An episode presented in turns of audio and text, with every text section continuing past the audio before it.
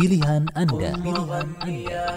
Di acara ini, Anda kami beri kesempatan untuk memilih materi pilihan Anda dari materi-materi yang Anda sukai di antara materi yang paling penting yang Anda harus pahami. Selamat mengikuti. زيف راية السلام غني للعرب جراح يا ترى من ذا الملام غزة الأبطال أمست تشتكي جور اللئام غني للعرب جراح يا ترى من ذا الملام. غزة الأبطال أمست تشتكي جور اللئام تسرق الأفراح منها ثم توزة تستضام. وكذا العدل فلا لا تشتكي هذا النظام. تسرق الأفراح منها ثم توزة تستضام. وكذا العدل فلا لا تشتكي هذا النظام. قم وغني يا حمام إن جرحي لا ينام. قم وغني يا حمام إن جرحي لا ينام. قم وغني قد مللنا زيف راية السلام. قم وغني قد مللنا زيف راية السلام. زيف راية السلام. يا لصمت الفعل فينا كم برزنا في الكلام. ما أجدنا في سواه آه هلمة الكرام. يا لصمت الفعل فينا كم برزنا في الكلام.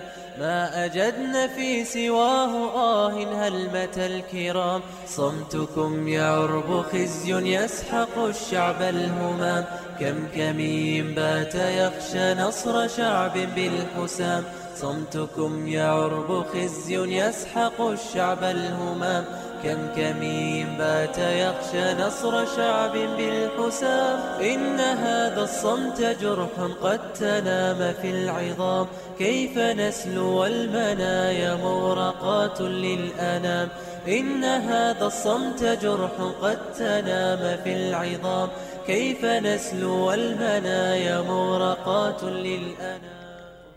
بسم الله السلام عليكم ورحمة الله وبركاته. الحمد لله الذي أرسل رسوله بالهدى ودين الحق ليظهره على الدين كله وكفى بالله شهيدا. Ya, pendengar yang berbahagia dimanapun saat ini Anda berada Apa kabarnya Anda di kesempatan yang berbahagia kali ini Semoga kita semua selalu berada dalam keadaan sehat walafiat dan tak kurang suatu apapun Juga selalu dalam lindungan Allah subhanahu wa ta'ala Amin قم وغني يا حمام إن جرحي لا ينام قم وغني يا حمام إن جرحي لا ينام. قم وغني قد مللنا زيف راية السلام. قم وغني قد مللنا زيف راية السلام. زيف راية السلام غني للعرب جراح يا ترى من ذا الملام غزة الأبطال أمست تشتكي جور اللئام غني للعرب Ya, pendengar yang berbahagia dimanapun saat ini Anda berada Alhamdulillah pada kesempatan yang berbahagia kali ini Saya Mas Udi bisa kembali menyapa ruang dengar Anda di frekuensi 99.3 Pajri FM Suara Kebangkitan Islam Belajar Islam menjadi lebih mudah. وكذا العدل فلا لا تشتكي هذا النظام قم وغني يا حمام إن جرحي لا ينام قم وغني يا حمام إن جرحي لا ينام قم وغني قد مللنا زيف راية السلام قم وغني قد Ya benar yang berbahagia di mana pun saat ini Anda berada. Insya Allah selama kurang lebih 120 menit ke depan saya Mas Udi akan menemani Anda dalam acara Pilda Pilihan Anda. Edisi Ahad 3 Januari 2020 Masehi atau bertepatan dengan tanggal 19 Jan Jumadil Awal 1442 هجرية كم كمين بات يخشى نصر شعب بالحسام صمتكم يعرب خزي يسحق الشعب الهمام كم كمين بات يخشى نصر شعب بالحسام Ya, dalam acara ini seperti biasa kami sudah menyediakan 10 materi pilihan spesial untuk Anda yaitu di materi yang pertama oleh Ustadz Muslim dengan tema Bolehkah minum sambil berdiri.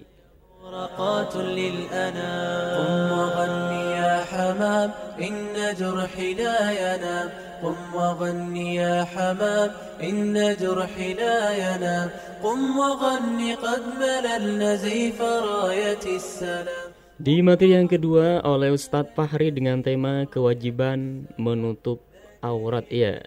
Di materi yang kedua dengan pembicara Ustadz Fahri dengan tema kewajiban menutup aurat.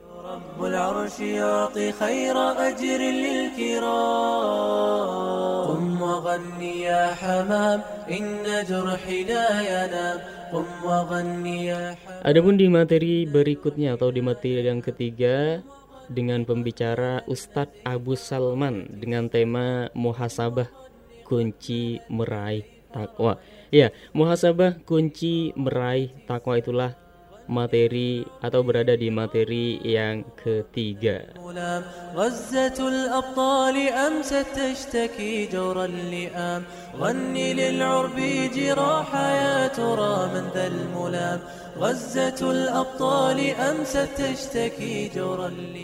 Di materi yang keempat oleh Ustadz Faisal Hamzah dengan tema siapakah Imam Mahdi.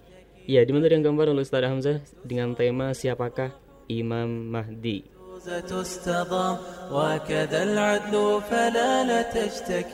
Di materi yang kelima dengan tema Ciri Aliran Sesat oleh Ustadz Muhammad Sarbini MHI Ya di materi yang kelima dengan tema Ciri Aliran Sesat di atau dengan pembicara Ustadz Sarbini غني قد مللنا زيف راية السلام زيف راية السلام Di materi berikutnya atau di materi yang keenam oleh Ustadz Solahuddin dengan tema sebab untuk menjadi orang yang bersyukur.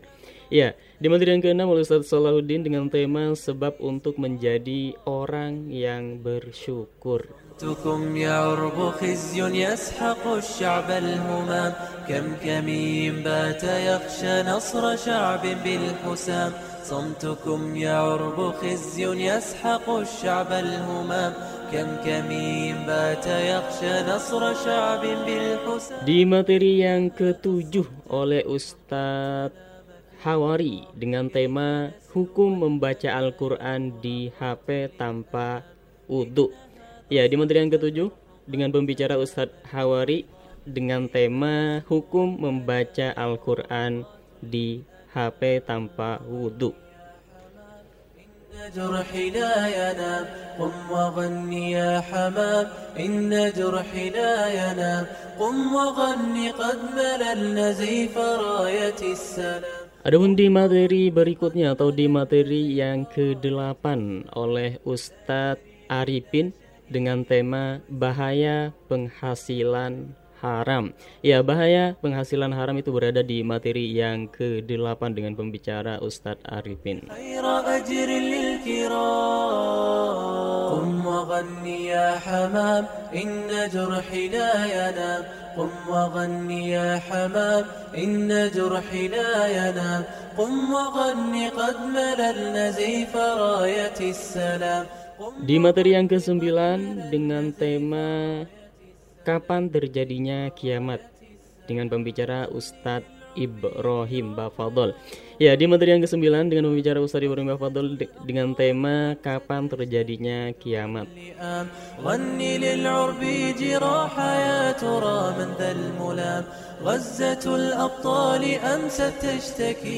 Adapun di materi yang terakhir atau yang ke-10 dengan pembicara Ustadz Patih. Ya, temanya hukum memakai barang gadaian. Ya, di materi yang ke-10 dengan pembicara Ustadz Patih Temanya hukum memakai barang gadaian. Ya hamam, inna jurhi la yanam. Qum wa ghanni ya hamam, inna jurhi la yanam. qum wa قم وغن قد nazif زيف راية السلام قم وغن قد مللنا زيف راية السلام زيف راية السلام Ya pendengar yang berbahagia di mana pun saat ini Anda berada. Ke 10 materi tersebut Bisa Anda request atau bisa Anda pilih Dengan cara mengirimkan pesan singkat ke 0811 1110 993 0811 1110 993 0811 1110 993 Bisa melalui WhatsApp, SMS, Telegram Atau juga bagi Anda yang lagi on di Facebooknya silahkan bisa bergabung via Facebook dengan di facebook.com garis miring radio pajri facebook.com garis miring radio pajri dengan cara mengirimkan pesan singkat di kolom komentar. العظام كيف نسلو المنايا مورقات للأنام إن هذا الصمت جرح قد تنام في العظام كيف نسلو المنايا مورقات للأنام؟ قم وغني يا حمام إن جرحي لا ينام. قم وغني يا حمام إن جرحي لا ينام. قم وغني قد مللنا زيف راية السلام. قم وغني قد مللنا زيف راية السلام. ذا جريح ذا شهيد في وصال الموت ها حيث رب العرش يعطي خير أجر للكرام. حيث رب العرش يعطي خير أجر للكرام. قم وغني يا حمام إن جرحي لا ينام. قم وغني يا حمام إن جرحي لا ينام قم وغني قد Ya benar yang berbahagia dimanapun saat ini Anda berada sebelum kita lanjut membacakan pesan-pesan yang sudah ikut berpartisipasi atau ikut memilih materi film pada acara Fildas yang kali ini Kita akan jeda terlebih dahulu, jangan pindah frekuensi Anda, tetap saya tun di 99.3 Fajar FM Suara Kebangkitan Islam.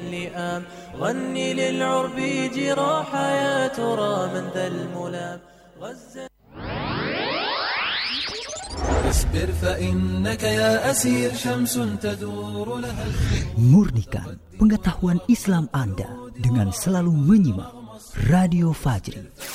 Jangan lewatkan acara-acara unggulan dengan beragam ilmu keislaman sebagai bekal meraih ketakwaan. Kuliah Islam Rasulullah SAW mengingatkan kita agar mempertahankan keilmuan kita tentang Islam itu sampai kita menemui kematian. dalam setiap langkahnya ketika kita berangkat ke masjid itu akan meninggikan derajat itu. setiap hari pukul 5.30, pukul 10 dan pukul 16 waktu Indonesia Barat. Ngobrol perkara iman.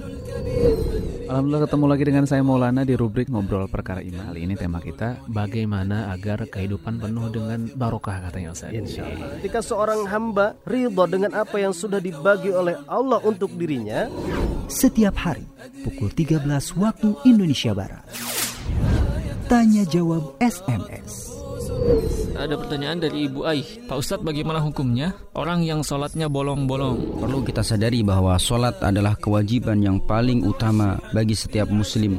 Setiap hari pukul 17 dan pukul 21 waktu Indonesia Barat. Talk show kesehatan.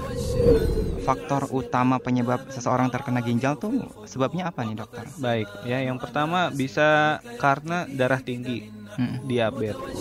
Setiap hari Jumat pukul 20.30 waktu Indonesia Barat.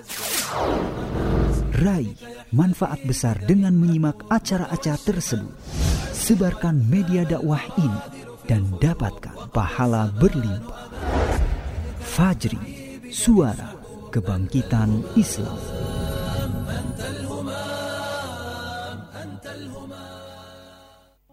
جمال الوجود بذكر الإله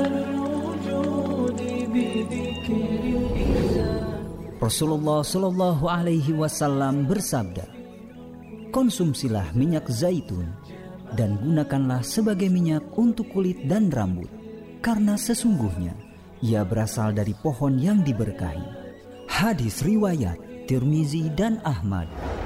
Telah hadir Mizar, minyak zaitun Rukiah, terbuat dari minyak zaitun pilihan kualitas terbaik, extra virgin oil, serta telah dirukiah oleh praktisi rukiah syariah dengan izin Allah.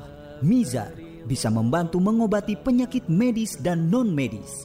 Alhamdulillah, banyak orang yang telah mengkonsumsi mizar dan telah merasakan khasiatnya. Ayo, dapatkan mizar di toko-toko terdekat kota Anda atau Anda juga bisa menghubungi kami di telepon atau WA 0812 1970 5220 0812 1970 5220 atau kunjungi website kami di www.minyakzaitunrukiah.com Tunggu apa lagi? Segera dapatkan Mizar dan sekarang giliran Anda merasakan khasiatnya. Miza, solusi sehat Islami.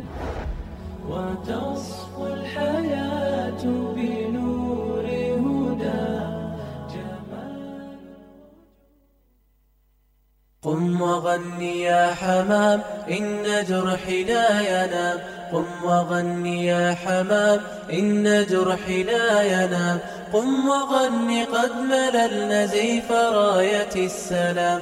قم وغني قد مللنا زيف راية السلام. زيف راية السلام غني للعرب جراح يا ترى من ذا الملام. غزة الأبطال أمست تشتكي جور اللئام؟ غني للعرب جراح يا ترى من ذا الملام.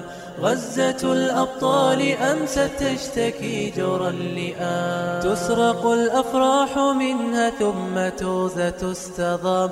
وكذا العدل فلا لا تشتكي هذا النظام. تسرق الأفراح منها ثم توزة تستضام. وكذا العدل فلا لا تشتكي هذا النظام. قم وغني يا حمام إن جرحي لا ينام. قم وغني يا حمام إن جرحي لا ينام. قم وغني قد مللنا زيف راية السلام. قم وغني قد مللنا زيف راية السلام. زيف راية السلام. Ya, 99.3 Pajri FM Suara Kebangkitan Islam. Belajar Islam menjadi lebih mudah. Pendengar yang berbahagia di mana pun saat ini Anda berada. Kami ucapkan syukron jazakumullah khairan kathirun Bagi Anda yang masih setia mendengarkan Radio Pajri Dan juga bagi Anda yang baru bergabung atau juga baru menemukan frekuensi 99.3 Pajri FM Kami ucapkan Ahlan wa sahlan Selamat datang masih bersama saya Mas Udi Dalam acara Pilda Pilihan Anda Seperti biasa dalam acara ini Anda berkesempatan untuk Memilih materi pilihan yang ingin Anda pahami atau ingin Anda murojaah seperti biasa sudah ada 10 materi pilihan. Ya, selama kurang lebih 120 menit ke depan ini insyaallah. Adapun di materi yang pertama yaitu dengan tema bolehkah minum sambil berdiri dan di materi yang kedua dengan tema kewajiban menutup aurat. Di materi yang ketiga dengan tema muhasabah kunci meraih takwa. Di materi yang keempat dengan tema siapakah Imam Mahdi. Di materi yang kelima dengan tema ciri aliran sesat dan di materi yang keenam dengan tema sebab untuk menjadi orang yang bersyukur. Dan di materi yang ketujuh dengan tema hukum membaca Al-Quran di HP tanpa wudhu. Dan di materi yang kedelapan bahaya penghasilan haram. Di materi yang kesembilan dengan tema kapan terjadinya kiamat. Dan di materi yang terakhir atau yang ke-10 dengan tema hukum memakai barang gadaian. Ya, itulah ke-10 materi yang sudah kami sediakan spesial untuk Anda.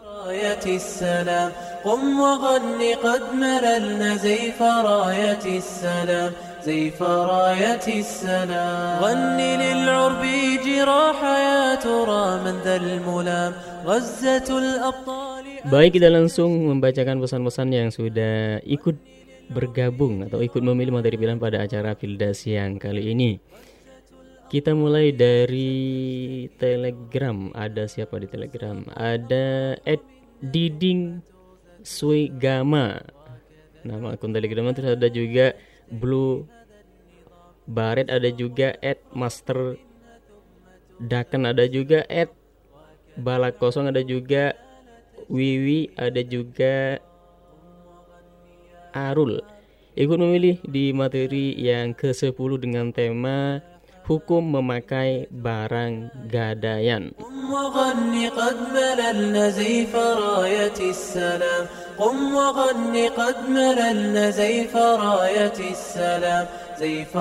Ya masih dari Telegram. Ada siapa lagi dari Telegram? Ada nama akun Telegram Siti Yusro ada juga Dina ada juga Nindia Rahmah ada juga L ada juga nama akun Telegramnya Siti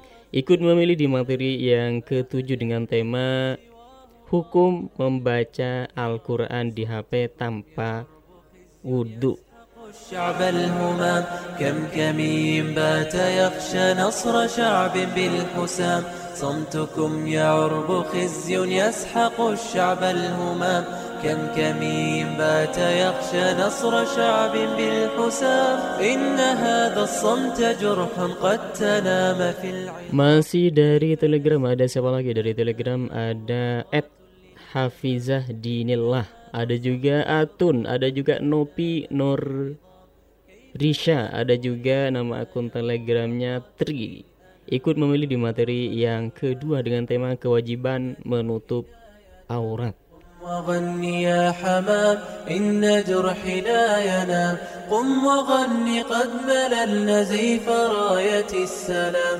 قم وغني قد مللنا زيف راية السلام. ذا جريح ذا شهيد في وصال الموت. Baik, kita langsung cek materi manakah yang paling banyak pertama kali oleh Anda, dipilih oleh Anda.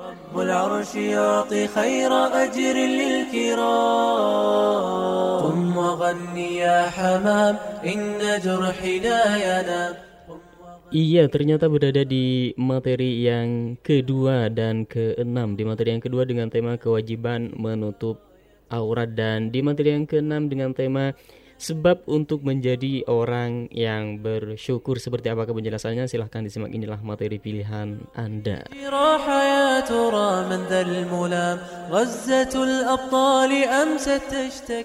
Pilihan Anda. Pendengar yang budiman, sebagaimana yang kita ketahui bahwa Islam adalah satu-satunya agama yang paling memuliakan manusia. Salah satu buktinya adalah Islam begitu perhatian tentang masalah menutup aurat. Lelaki dan wanita yang menutup aurat tentunya akan terpelihara kehormatan dan kesuciannya. Akan tetapi, jika kita melihat kehidupan masyarakat, kita akan jumpai wanita keluar rumahnya yang mengumbar aurat mereka. Begitu pula kaum pria. Banyak di antara mereka yang tidak menutup aurat seakan-akan menutup aurat bukan sebuah kewajiban, bahkan meninggalkannya bukan sebuah dosa ataupun kemaksiatan. Lantas apa yang dimaksud dengan aurat? Aurat adalah suatu anggota badan yang tak boleh ditampakkan dan tak boleh juga diperlihatkan oleh laki-laki atau perempuan kepada orang lain. Menutup aurat adalah kewajiban bagi setiap muslim laki-laki dan wanita. Dan barang siapa yang membuka auratnya, maka sungguh ia telah berbuat dosa, sebab ia telah melakukan kedurhakaan kepada Allah Subhanahu wa taala dan juga kedustaan pada rasulnya. Allah Subhanahu wa taala telah memerintahkan kepada orang-orang yang beriman agar mereka menutup aurat dengan berbagai macam perintah. Allah Subhanahu wa taala memerintahkan kepada orang-orang yang beriman, baik laki-laki atau wanita, untuk menundukkan pandangan mereka. Bahkan mereka dilarang untuk melihat aurat orang lain. Hal ini menunjukkan bahwa aurat haruslah ditutup dan tak boleh diperlihatkan. Allah Subhanahu wa taala berfirman, A'udzu billahi minasyaitonir rajim. Qul lil mu'minina yaghuddu min absarihim wa yahfazu furujahum Dzalika azka lahum. Katakanlah, pada orang laki-laki yang beriman. Hendaklah mereka menahan pandangannya serta memelihara kemaluannya. Yang demikian itu adalah lebih suci bagi mereka. Bahkan dalam ayat yang lainnya Allah Subhanahu wa taala berfirman, "Wa kullil mu'minati yaghdudna min absarihinna wa yahfazna furujahunna." Katakanlah kepada wanita yang beriman, hendaklah mereka menahan pandangan dan kemaluannya. Pendengar yang budiman, di dalam kedua ayat ini, Allah Subhanahu wa taala juga memerintahkan kepada mereka agar mereka menjaga kemaluan.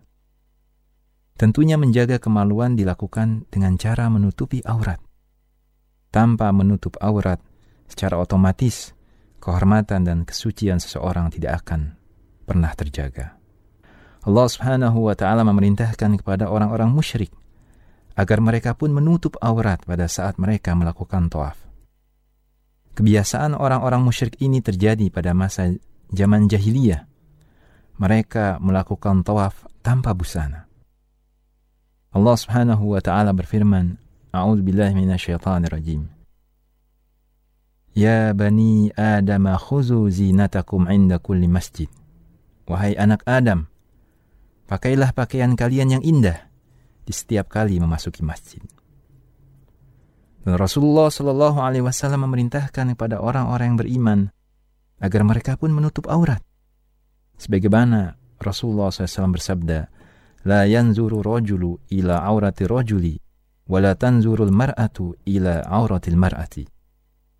Bahwa laki-laki itu tidak boleh melihat aurat laki-laki lain, dan juga wanita tidak boleh melihat aurat wanita lainnya. Imam Tirmizi meriwayatkan dari Bahar bin Hakim bahwa kakeknya pernah berkata, saya berkata kepada Rasulullah SAW, wahai Nabiullah, aurat kita apa yang boleh kita perlihatkan dan apa yang tidak. Maka Rasulullah SAW bersabda, jagalah auratmu kecuali kepada istri atau budakmu. Lalu saya berkata, wahai Rasulullah, jika suatu kaum melihat satu sama lain. Maka Rasulullah SAW berkata, jika Anda mampu agar tidak seorang pun dapat melihat auratmu, maka lakukanlah. Lalu dia berkata, Wahai Nabi Allah, bagaimana kalau kita seorang diri?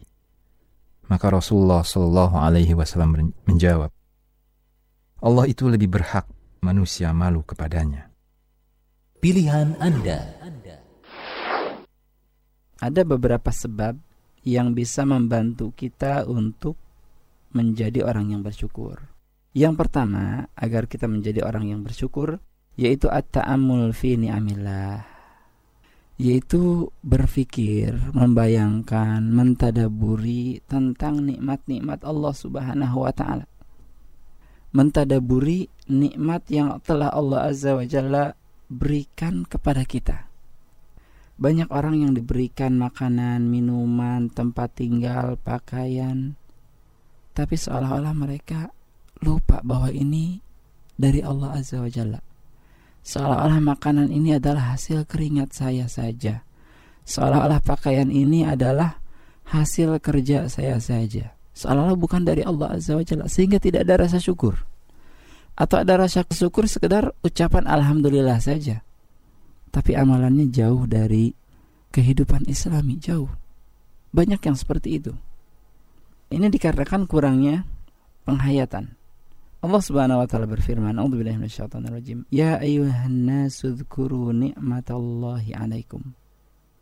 Wahai manusia, sebutlah nikmat-nikmat Allah untuk kalian. Coba kalau kita menyebutkan satu-satu nikmat Allah yang diberikan kepada kita saja hari ini saja, Pertama saya dijadikan seorang muslim. Yang kedua sholat subuh. Kemudian setelah itu sarapan pagi. Kemudian merasakan sejuknya air ketika mandi. Kemudian merasakan sejuknya minuman. Kemudian merasakan nikmatnya sarapan pagi. Kemudian dijadikan badan ini sehat. Matanya bisa melihat. Telinganya bisa mendengar. Mulutnya bisa berbicara satu persatu kita sebutkan. Ini jelas akan menimbulkan rasa syukur kita kepada Allah Subhanahu wa taala. Tapi terkadang kita ghaflah, lalai dari hal ini semua. Ya ayuhan nas udhkuru nikmatallahi alaikum. Ingat nikmat Allah yang telah diberikan kepada kalian. Hal min khaliqin ghairullahi yarzuqukum minas sama'i wal ard. Adakah seorang makhluk, seorang pencipta selain Allah yang memberikan rizki di langit dan di bumi? Tidak ada selain Allah Azza wa Jalla. La ilaha illahu. Fa'anna tu'fakun. Tidak ada ilah selain dia.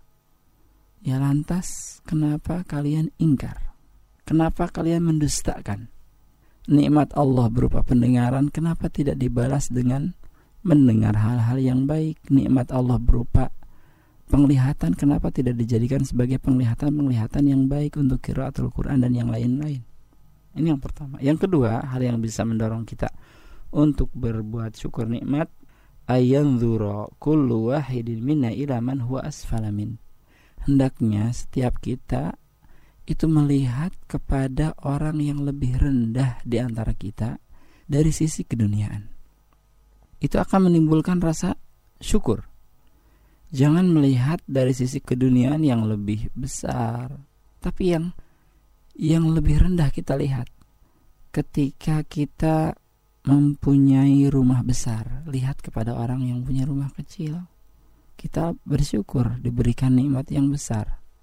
Ketika kita diberikan perumahan di kawasan yang elit lihat kepada orang-orang yang mempunyai perumahan yang tipenya 36 bahkan 21 ketika kita bertempat tinggal di perumahan yang 21 Alhamdulillah bisa nyicil. Ada DP awal tuh teman saya masih ngontrak. Ketika kita ngontrak pun kita harus tetap bersyukur. Banyak orang-orang yang saat ini nggak mampu bayar kontrakan. Tinggalnya entah di mana. Terus begitu melihat kepada orang yang lebih rendah dari sisi keduniaan itu akan menimbulkan rasa syukur kita kepada Allah Azza wa Jalla Jangan melihat kepada yang lebih atas. Gaji sudah 15 juta per bulan. Kawan saya sudah 25 juta. Enggak bersyukur. Dikasih 25 juta sebulan. Teman saya sudah 50 juta. Ini kapan syukur kepada Allah Azza wa Jalla? Kapan bersyukurnya? Tidak akan pernah bersyukur. Kita lihat dan manhaj ini adalah manhaj manhaj Nabi perintah dari Rasulullah sallallahu alaihi wasallam ketika beliau bersabda unzuru ila man huwa asfala minkum wala tanzuru ila man huwa faqakum fahuwa ajdaru alla tazdaru Allah lihatlah kepada orang yang lebih rendah di antara kalian. Dalam masalah keduniaan maksudnya bukan masalah dinia tapi dalam masalah keduniaan. Dan jangan kalian melihat kepada orang yang lebih besar. Karena hari itu akan lebih mudah membantu mensyukuri nikmat Allah Subhanahu wa taala. Kemudian selanjutnya yang ketiga sebab yang bisa membantu kita untuk bersyukur kepada Allah Subhanahu wa taala. Ayya'lamal insanu anna Allah ta'ala yas'aluhu yaumal qiyamah an syukri hadhihi ni'am. Allah Subhanahu wa taala akan bertanya kepada manusia pada hari kiamat tentang nikmat-nikmat ini. Jadi hati-hati. Kehidupan ini bukan kehidupan gratis oksigen yang kita hirup itu tidak gratis. Makanan yang kita makan tidak gratis.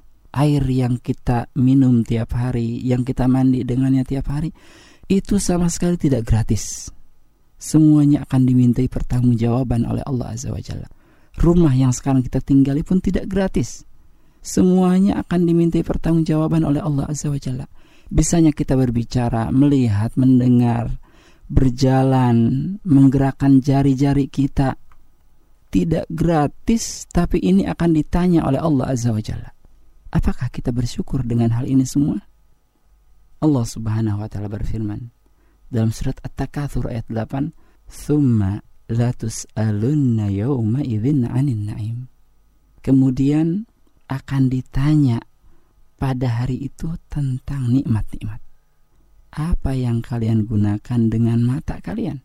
Apa yang kalian lakukan dengan harta kalian? Ini semuanya akan ditanya. Apa yang telah kalian lakukan dengan minum air sejuk di dunia ini. Semuanya tidak gratis, akan ditanya oleh Allah Azza wa Jalla. Ketika kita lalai dari syukur pada Allah Subhanahu wa taala, kita akan sangat merugi. Tapi mereka yang bersyukur kepada Allah Azza wa Jalla, alhamdulillah telah diberikan Islam, alhamdulillah telah diberikan iman, alhamdulillah diberikan badan yang sehat, alhamdulillah diberikan. Ini dia akan beruntung. Dia beruntung di dunia dengan nikmat-nikmat Allah dan akan ditambah oleh Allah Azza wa Jalla nikmat di dunia ini serta akan Allah Azza wa Jalla masukkan dia ke dalam surga dikarenakan syukur kepada Allah Subhanahu wa taala. Pilihan Anda. قم وغني يا حمام إن جرحي لا ينام قم وغني يا حمام إن جرحي لا ينام قم وغني قد مللنا زيف راية السلام. قم وغني قد مللنا زيف راية السلام. زيف راية السلام. غني للعرب جراح يا ترى من ذا الملام. غزة الأبطال أمست تشتكي جور اللئام غني للعرب جراح يا ترى من ذا الملام. غزة الأبطال أمست تشتكي جور اللئام تسرق الأفراح منها ثم توزى تستضام. وكذا العدل فلا لا تشتكي هذا النظام. تسرق الأفراح منها ثم توزى تستضام. وكذا العدل فلا لا تشتكي هذا النظام. قم وغني يا حمام إن جرحي لا ينام. قم وغني يا حمام إن جرحي لا ينام. قم وغني قد مللنا زيف راية السلام. قم وغني قد مللنا زيف راية السلام. زيف راية السلام. Ya, itulah materi pilihan Anda berada di materi yang kedua dan keenam. Di materi yang kedua dengan tema kewajiban menutup aurat dan di materi yang keenam dengan tema sebab untuk menjadi orang yang bersyukur. Kami ucapkan syukuran jazakumullah khairan kasihan kepada Anda yang telah ikut berpartisipasi memilih materi pilihan pada acara Pildas yang kali ini terkhusus di materi yang kedua dan keenam. Semoga bermanfaat dan juga menambah pahala. Amin. يا عرب خزي يسحق الشعب الهمام كم كمين بات يخشى نصر شعب بالحسام إن هذا الصمت جرح قد تنام في العظام كيف نسلو المنايا Baik, kita lanjut membacakan pesan-pesan yang sudah masuk. Kali ini kita mulai dari WhatsApp. Ada siapa dari WhatsApp? Ada Ade Syawaludin dari Citere Bogor katanya. Ikut memilih materi nomor 4 dan 9 ya di materi yang keempat. Dengan tema siapakah Imam Mahdi? Dan di materi yang keenam dengan tema sebab untuk menjadi orang yang bersyukur. Dan alhamdulillah nomor enamnya sudah kita putarkan. زيف راية السلام ذا جريح ذا شهيد في وصال الموتها حيث رب العرش يعطي خير أجر للكرام حيث رب العرش يعطي خير أجر للكرام قم وغني يا حمام إن Iya, masih dari WhatsApp. Ada siapa lagi dari WhatsApp? Ada Uktirina katanya Uktirina Lulut dari Kelapa Nunggal Bogor di acara Filda pekan ini katanya saya pilih semua materi syukron katanya afwan يا ترى من ذا الملام غزة الأبطال أمست تشتكي جور اللئام masih dari WhatsApp ada Kholiana di Jakarta Good memilih materi nomor 5 dan 10 syukron katanya Afwan.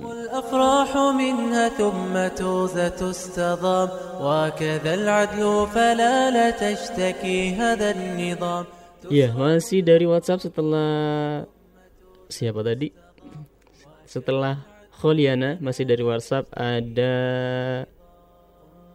pelajar di Depok katanya ikut memilih materi nomor 1, 4, 5, 6 dan 10 syukron katanya Afwan قد مللنا زيف راية السلام قم وغني قد مللنا زيف راية السلام زيف راية السلام يا لصمت الفعل فينا كم برزنا في الكلام ما أجدنا في سواه آه هلمة الكرام. يا لصمت الفعل فينا كم برزنا في Masih dari WhatsApp ada Muhammad Rido dari Legok Nyenang Ekonomi materi nomor 24 dan 9 katanya كم كمين بات يخشى نصر شعب بالحسام صمتكم يا Ya setelah Rido ada siapa lagi masih dari WhatsApp ada Mulyati di Putar Nutuk Ciseeng Bogor katanya Insya Allah menyimak semua pilih semua materi katanya. Dari Mulyati di Putar Nutuk Ciseeng Bogor مرقات للأنام إن هذا الصمت جرح قد تنام في العظام كيف نسلو والمنايا مورقات للأنام Baik kita cek kembali materi manakah yang paling banyak dipilih oleh Anda setelah materi yang kita putarkan قم وغني يا حمام إن جرحي لا ينام قم وغني قد مللنا زيف راية السلام Iya, ternyata berada di materi yang pertama dan ketiga. Ya, di materi yang pertama dengan tema bolehkah minum sambil berdiri dan di materi yang ketiga dengan tema muhasabah kunci meraih takwa. Ya, seperti apa penjelasannya silahkan disimak inilah materi pilihan Anda. قم وغني يا حمام إن جرحي لا ينام قم وغني يا حمام إن جرحي Pilihan Anda. Pendengar yang dirahmati Allah, muhasabah berasal dari akar kata hasibayah sabu hisaban, yang secara kata artinya melakukan perhitungan. Sedangkan kata muhasabah dalam agama Islam adalah sebuah upaya memperbaiki diri terhadap kebaikan dan keburukan dalam segala hal. Muhasabah berarti mengingat, menghitung dosa serta mengevaluasi diri. Setiap manusia tentu tidak luput dari dosa, namun sedikit sekali orang yang mampu untuk menjadikan kelalaiannya sebagai pelajaran. Misalnya hari ini. Berapa kali hari ini terlewat dari sholat tepat waktu? Apakah zikir pagi petang sudah dilakukan? Apakah tahajud terlewat lagi? Dan apakah penyebabnya? Bagaimana dengan tilawah dan menghafal Al-Quran? Dan bagaimana dengan penyelesaian amanah-amanah yang ada pada pundak kita? Misalnya amanah terhadap suami atau istri, anak-anak, dan juga amanah dakwah. Astagfirullah. Jika kita menelisik aktivitas kita sejak bangun tidur hingga menjelang tidur, ternyata tidak sedikit kelalaian yang telah kita perbuat. Dan dengan muhasabahlah kita bisa mencari kelemahan diri. Serta selanjutnya menumbuhkan kesadaran diri dan rasa penyesalan. Selanjutnya diharapkan dapat tergerak untuk melakukan upaya perbaikan, mulai dari memohon ampunan kepada Allah, serta melakukan amal saleh dan membuat target-target pencapaian di hari berikutnya. Motivasi untuk memperbaiki amalan-amalan yang ada tidak kunjung hadir, penyebabnya satu, karena melupakan muhasabah diri. Sehingga orang-orang seperti ini sudah merasa cukup dengan amalan yang telah dilakukan. Di sinilah pentingnya muhasabah. Setidaknya ada empat hal yang menjadi alasan kenapa muhasabah itu sangat perlu dilakukan. Di antaranya, yang pertama, muhasabah merupakan perintah dari Allah Azza wa Jal. Allah berfirman dalam Al-Quran surat Al-Hashr ayat 18, Ya ayyuhalladzina amanu taqullaha wal tanzur nafsum ma qaddamat lighad wattaqullah innallaha khabirum bima ta'malun. Hai orang-orang yang beriman, bertakwalah kepada Allah dan hendaklah setiap diri memperhatikan apa yang telah diperbuatnya untuk hari esok, yaitu hari akhirat. Dan bertakwalah kepada Allah. Sesungguhnya Allah maha mengetahui apa yang kalian kerjakan. Kemudian yang kedua, muhasabah merupakan sifat hamba Allah yang bertakwa. Seseorang yang bertakwa adalah mereka yang membawa sebaik-baik bekal. Dan dalam perjalanan mencari bekal itu, tak jarang seseorang merasa lelah dan bosan. Dan yang mengakibatkannya tak mawas diri, sehingga tergelincir dan terjatuh dalam futur, yaitu lemahnya iman dan semangat untuk melakukan amal soleh. Maka muhasabah akan membantu seseorang untuk menghadapi berbagai rintangan yang ia temukan dalam pencariannya akan bekal tersebut.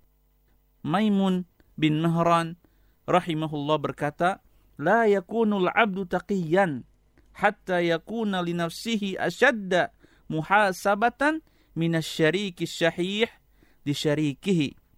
Tidaklah seorang hamba menjadi bertakwa sampai dia melakukan muhasabah atas dirinya lebih keras daripada seorang teman kerja yang pelit ketika membuat perhitungan dengan temannya.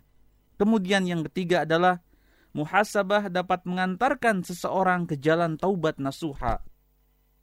Ketika seseorang melakukan muhasabah, maka akan tampak jelas di hadapannya atas dosa-dosa yang dilakukan.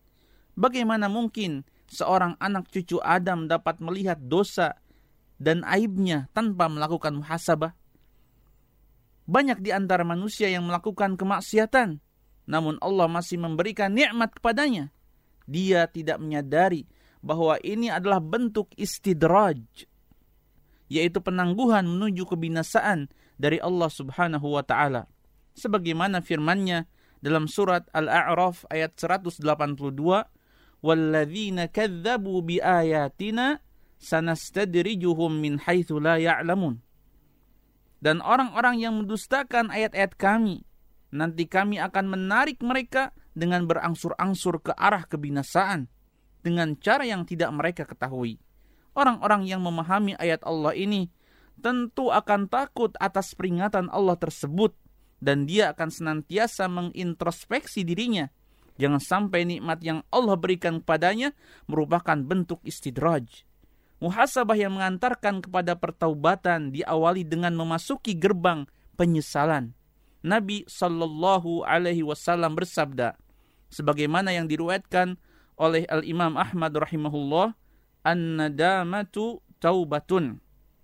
Menyesal adalah taubat maka hendaklah seorang insan yang beriman menghiasi dirinya dengan muhasabah sehingga menjadi seorang ahli taubat. Kemudian yang terakhir atau yang keempat adalah untuk meraih keberuntungan di dunia dan di akhirat kelak. Hal ini sebagaimana hadis yang diriwayatkan oleh Imam At-Tirmidzi rahimahullah dari Syadad bin Aus radhiyallahu anhu Rasulullah sallallahu alaihi wasallam bersabda, Orang yang pandai adalah yang senantiasa menghisap dirinya sendiri, serta beramal untuk kehidupan sudah kematian. Sedangkan orang yang lemah adalah yang dirinya mengikuti hawa nafsunya, serta berangan-angan terhadap Allah. Betapa pandainya orang yang mampu untuk selalu melakukan muhasabah. Karena dengan muhasabah, kita dapat meraih keberuntungan. Dan dengan muhasabah pula, kita dapat menemukan kelemahan diri dan memperbaikinya. Pilihan Anda.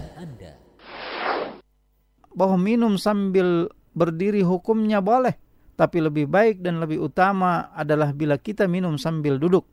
Bagaimana bisa demikian? Lantas apa dalilnya?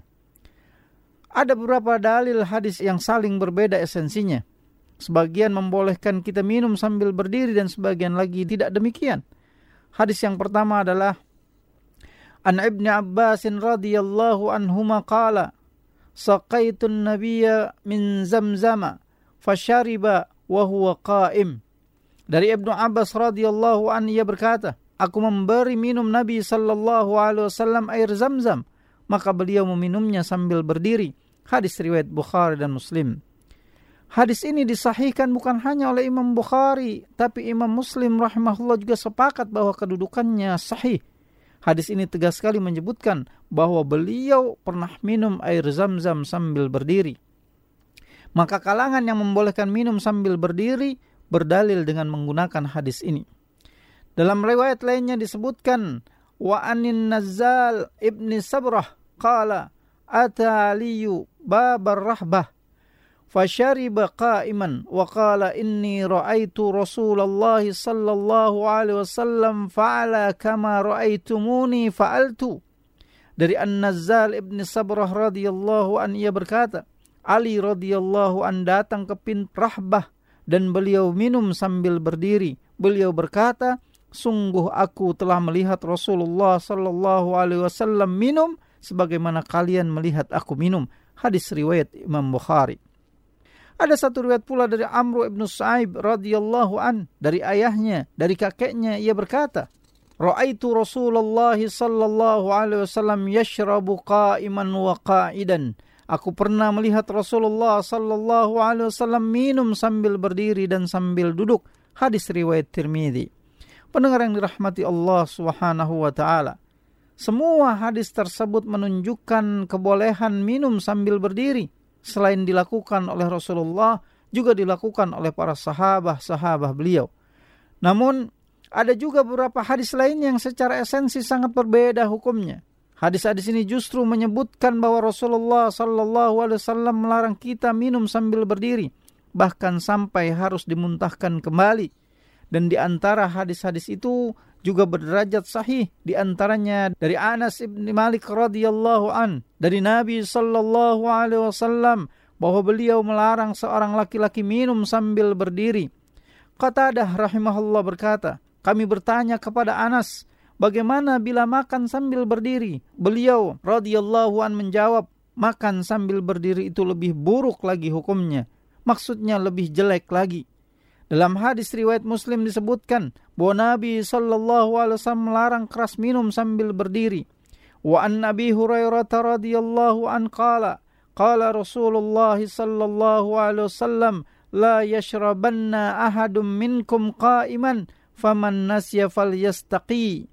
Dari Abi Hurairah radhiyallahu an ia berkata, bahwa Rasulullah sallallahu alaihi wasallam bersabda, "Janganlah kalian minum sambil berdiri." Dan jika kalian lupa maka muntahkanlah hadis riwayat Muslim. Lalu bagaimana mungkin bisa terjadi hadis-hadis yang sama-sama sahih itu seakan-akan saling bertentangan satu dengan yang lainnya? Maka jawabnya bisa-bisa saja dan bukan merupakan satu aib. Sehingga amat wajar bila para ulama satu sama lain saling berbeda dalam menarik kesimpulan hukum atas masalah ini. Sedangkan Al-Imam An-Nawawi rahimahullah berbeda pendapatnya. Menurut beliau, hukum minum sambil berdiri mutlak dibolehkan. Lantaran ada hadis sahih yang cukup banyak yang menyebutkan bahwa Nabi Shallallahu Alaihi Wasallam pernah melakukannya. Meskipun demikian, beliau pun menerima kesahihan hadis yang melarang minum sambil berdiri. Maka kesimpulan beliau bahwa minum itu boleh sambil berdiri, tapi lebih utama bila sambil duduk. Dengan lafaz itu pula beliau menuliskan pendapatnya dalam kitab Riyadus Salihin Sedangkan di dalam kitab Ar-Rawdah secara tegas beliau mengatakan bahwa minum sambil berdiri hukumnya tidak makruh. Pilihan Anda. قم وغني يا حمام إن جرحي لا ينام قم وغني يا حمام إن جرحي لا ينام قم وغني قد مللنا زيف راية السلام. قم وغني قد مللنا زيف راية السلام. زيف راية السلام غني للعرب جراح يا ترى من ذا الملام. غزة الأبطال أمست تشتكي جور اللئام. غني للعرب جراح يا ترى من ذا الملام. غزة الأبطال أمست تشتكي جور اللئام تسرق الأفراح منها ثم توزة تستضام. وكذا العدل فلا لا تشتكي هذا النظام. تسرق الأفراح منها ثم توزة تستضام. وكذا العدل فلا لا تشتكي هذا النظام. قم وغني يا حمام إن جرحي لا ينام. قم وغني يا حمام إن جرحي لا ينام قم وغني قد مللنا زيف راية السلام قم وغني قد مللنا زيف راية السلام Ya, itulah materi pilihan Anda berada di materi yang pertama dan yang ketiga. Di materi yang pertama dengan tema bolehkah minum sambil berdiri dan di materi yang ketiga dengan tema muhasabah kunci meraih takwa. Kami ucapkan syukron jazakumullah khairan kepada Anda yang telah ikut berpartisipasi memilih materi pilihan pada acara Pildas yang kali ini terkhusus di materi yang pertama dan ketiga. Semoga bermanfaat dan juga menambah pahala. Amin.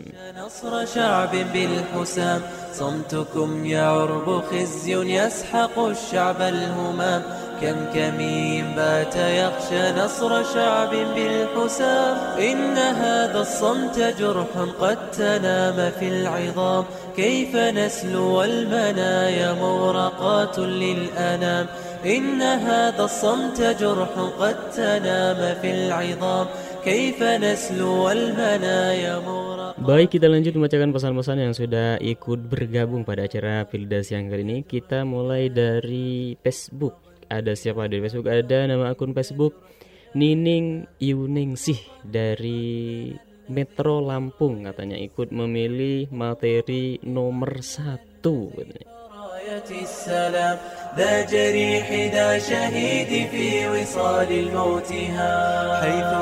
Iya masih dari Facebook. Setelah nama akun Facebook Nining Yuningsih ada nama akun Facebook Ayah si nama akun Facebooknya dari Tangerang ikut memilih materi nomor 7 إن جرحي لا ينام. قم وغني قد مللنا زيف راية السلام. قم وغني قد مللنا زيف راية السلام. Masih dari Facebook setelah nama akun Facebook Ayasi ada siapa lagi? Ada nama akun Facebook Dwi Kapri Kurningrum dari Purworejo, Jawa Tengah katanya. Pilih semua baik katanya.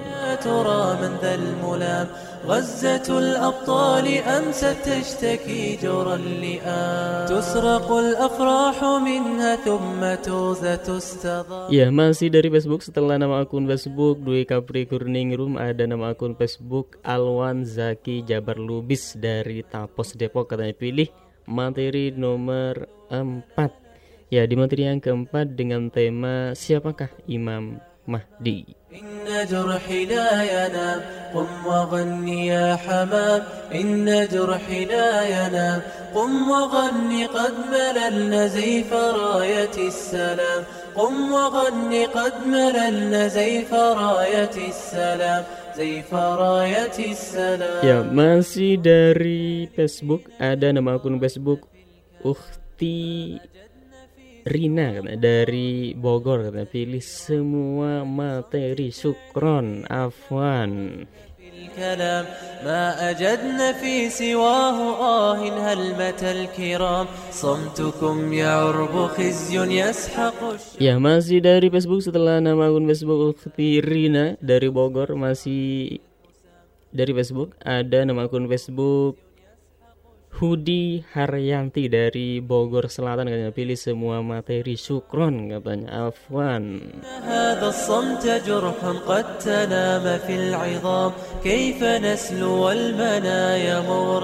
Baik kita cek kembali materi mana yang paling banyak dipilih oleh Anda setelah materi-materi yang telah kita putarkan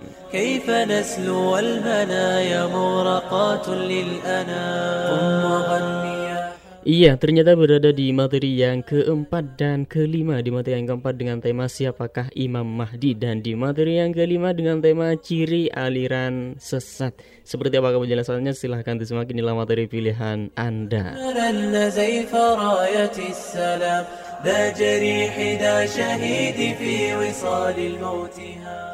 Pilihan Anda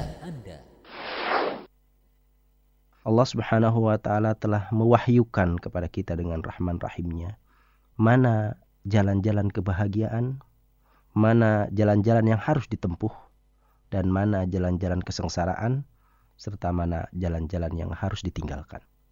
Untuk itu kita harus mengetahui dan harus menjalaninya. Apa-apa yang hak, apa-apa yang benar, apa-apa yang membahagiakan, kita harus ketahui dan kita harus jalani. Begitu sebaliknya, apa-apa yang buruk, apa-apa yang menyesatkan, apa-apa yang menyelewengkan kita dari kebahagiaan, harus kita ketahui dan harus kita langkah menjauhinya. Inilah hakikat dari dinullah azza wajal yang telah diturunkan dari tujuh lapis langit dibawa oleh makhluk-makhluk yang mulia oleh Allah Subhanahu wa taala yaitu malaikat-malaikat bahkan roisnya, pemimpin dari para malaikat, yaitu Jibril alaihissalam, langsung ditugaskan untuk menyampaikan wahyu Allah demi keselamatan yang namanya manusia atau al-insan. Di dalam Al-Quran banyak sekali yang sering kita ungkapkan jalan-jalan yang telah diterangkan. Secara global Allah sudah menjelaskan mana jalan yang hak yang harus diketahui dan ditempuh oleh kita sebagai insan dan mana jalan yang batil yang harus kita ketahui pula dan harus kita jauhkan. Jadi kalau kita nggak tahu yang batil, maka tidak mungkin kita akan bisa men menjauhkannya. Jadi bagian dari kebahagiaan kita adalah kita mengetahui mana yang batil sehingga kita bisa menjauhinya dengan seksama. Untuk itu, beberapa ayat Al-Quran dan hadis-hadis Rasulullah SAW mengingatkan kita tentang beberapa hal tersebut. Di antaranya di dalam surah Ali Imran ayat 7 di mana Allah Subhanahu wa taala menggambarkan ada orang-orang yang menempuh jalan yang benar dan dia bahagia. Dan ada orang-orang yang menempuh jalan yang sesat, maka dia sengsara. Allah Subhanahu wa taala berfirman, أعوذ بالله السميع العليم من الشيطان الرجيم هو الذي أنزل عليك الكتاب منه آيات محكمات هن أم الكتاب وأخر متشابهات فأما الذين في قلوبهم زيغ fayattabi'una ma tashabaha minhu ibtigha' al-fitnah wa ibtigha' ta'wili wa ma ya'lamu ta'wilahu illallah warasikhuna fil ilmi yaquluna amanna kullum min indi ayat ini dalam surah al-imran ayat 7 Allah Subhanahu wa taala mengingatkan dialah Allah. Jadi jelas sekali ayat Al-Qur'an diturunkan oleh Allah dengan mengatakan dialah Allah yang menurunkan kepada engkau Alkitab pada Rasulullah sallallahu alaihi wasallam. Di antara isi Alkitab itu ayatun muhkamat ayat-ayat yang muhkamat. Ayat-ayat yang terang, benderang, jelas tanpa sedikit pun ada kabut yang menutupinya. Dikatakan oleh Allah, hunna ummul kitab. Itu inti dari isi Alkitab. Jadi inti isi Alkitab bukan yang mutasyabihat, bukan yang samar-samar. Tapi yang jelas, terang benderang, tanpa tertutupi kabut. Dan yang lain dikatakan oleh Allah, wa ukhoru mutasyabihat ayat-ayat yang lain ada yang mutasyabihat. Di antara makna-maknanya kadang-kadang ada yang sama. Ada yang tidak diketahui oleh banyak orang. Fa'ammalladzina fi qulubihim zaygun. Adapun sikap orang-orang yang di dalam kolbu-kolbu mereka ada zaig. Sikap tidak mau meyakini bahwa apa yang disampaikan oleh Allah pasti benar. Yang ada adalah pembangkangan dirinya seakan-akan dia lebih mengerti, lebih tahu, lebih pandai. Fayattabi'una ma tashabaha minhu sehingga dia atau mereka mengikuti apa-apa yang mutasyabihat tadi. Dalam rangka apa? Ibtigha al-fitnah hanya mencari-cari fitnah di tengah-tengah masyarakat ummah. Apakah fitnah ingin masyur? Apakah fitnah ingin beda dengan yang lain? Atau fitnah memang jiwanya mempunyai jiwa nifak atau zindik di dalam dirinya? serta hanya mencari-cari apa hakikat di balik segala sesuatu padahal dia nggak pernah tahu hakikat itu. Wa ma ya'lamu ta'wila illallah. Tidak ada yang tahu takwilnya atau hakikat di balik ini semua kecuali Allahu Azza wa Jalla. Nah, di sini katakan sedangkan orang-orang yang beriman. Jadi bedanya di sini ada sikap dua tadi, sikap yang mempunyai zaik, sikap yang mempunyai yang beriman. Adapun orang-orang yang beriman mengatakan amanna kami beriman. Walaupun hakikatnya kami tidak tahu, tetapi kami beriman bahwa maknanya adalah apa yang telah disampaikan oleh Allah. Yaquluna amanna kullum min indi rabbina Sehingga Rasulullah sallallahu alaihi wasallam yang diriwayatkan oleh Aisyah radhiyallahu anha, ketika Rasulullah sallallahu alaihi wasallam membaca ayat ini, beliau bersabda, فَإِذَا رَأَيْتِ الَّذِينَ يَتَّبِعُونَ مَا تَشَابَهَ مِنْهُ فَأُولَٰئِكَ الَّذِينَ سَمَّ اللَّهُ fahdharuhum. Apabila engkau ya Aisyah melihat orang-orang yang mencari-cari ayat-ayat yang mutasyabihat, yang aneh-aneh ayat-ayat dicari-cari, gitu ya. Faulaika maka mereka adalah orang-orang yang Allah namakan itu di dalam ayatnya yang punya zaig gitu ya.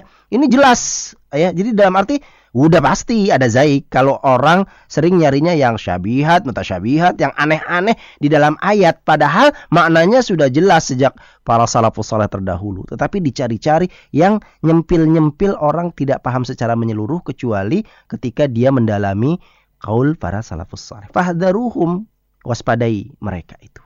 Nah ini hadis yang diriwayatkan oleh Imam Bukhari, Muslim, Abu Daud, Tirmidzi dan lain-lain. Ini pernyataan dari Rasulullah Shallallahu Alaihi Wasallam tentang ciri-ciri orang-orang yang diceritakan dalam surah Ali Imran ayat 7 tadi. Nah Ibnu Abbas pun ketika terjadi sebuah peristiwa fitnah khawarij munculnya orang-orang yang keluar mengatakan bahwa Ali bin Abi Thalib radhiyallahu an Muawiyah radhiyallahu an dan para sahabat ridwanullah alaihim ajmain kafir karena melaksanakan sesuatu yang mereka anggap melanggar hukum Allah. Padahal ini karena kebodohan mereka, maka Ibnu Abbas mengatakan, "Yu'minuna bimuhkami wa yudhilluna 'inda mutasyabihi wa ma ya'lamu ta'wilahu illallah." والراسخون fil ilmi yaquluna amanna bihi mereka itu cirinya, ciri orang khawarij adalah beriman dengan ayat-ayat yang muhkam, yang jelas, terang benderang ya.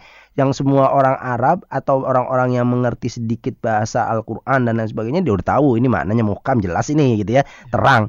Tapi mereka sesat ketika mereka mentafsirkan ayat-ayat mutasyabihat bukan berdasarkan apa yang dipahami oleh Rasulullah dan para sahabatnya. Menurut pemahaman sendiri. Dan tidak ada yang tahu takwilnya kecuali Allah. Takwilnya di sini bukan tafsirnya bukan maknanya. Takwilnya yang di sini yang dimaksud adalah hakikat dari segala sesuatu yang disebutkan dalam ayat-ayat mutasyabihat.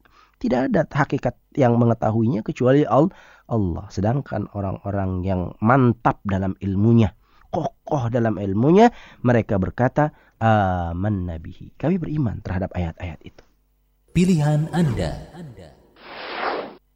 Salah satu tanda-tanda kiamat besar yaitu tentang kedatangan Imam Mahdi Al-Muntazar ya kedatangan Imam Mahdi yang dinanti-nanti. Nah, ikhwani fiddin azani Allah wa iyyakum.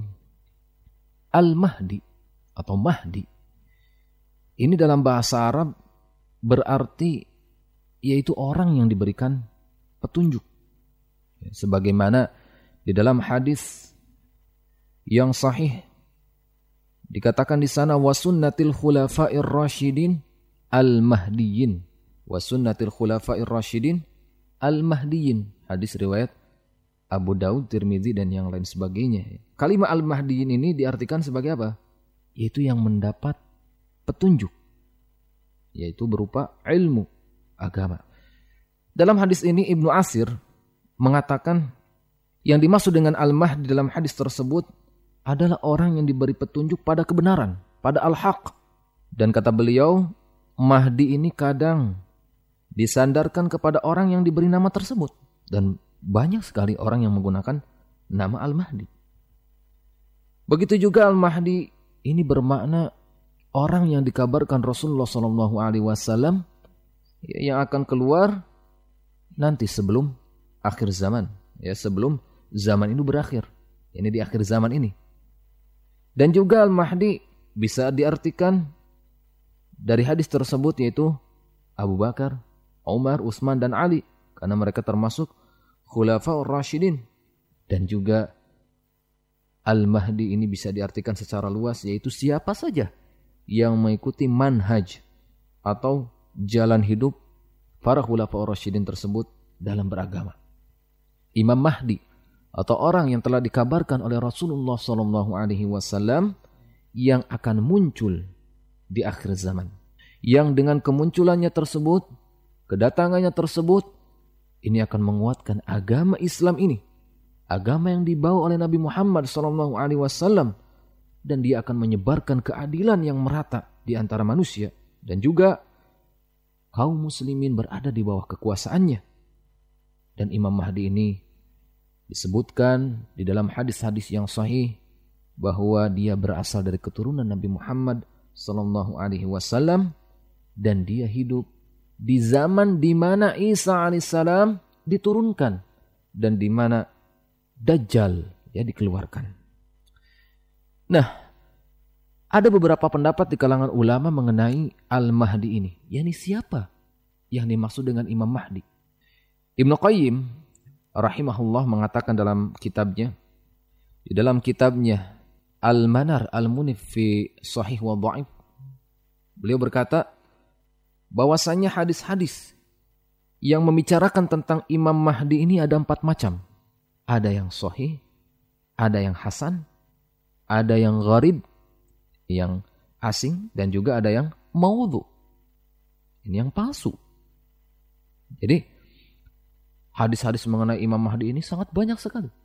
Akan tetapi ada empat kategori.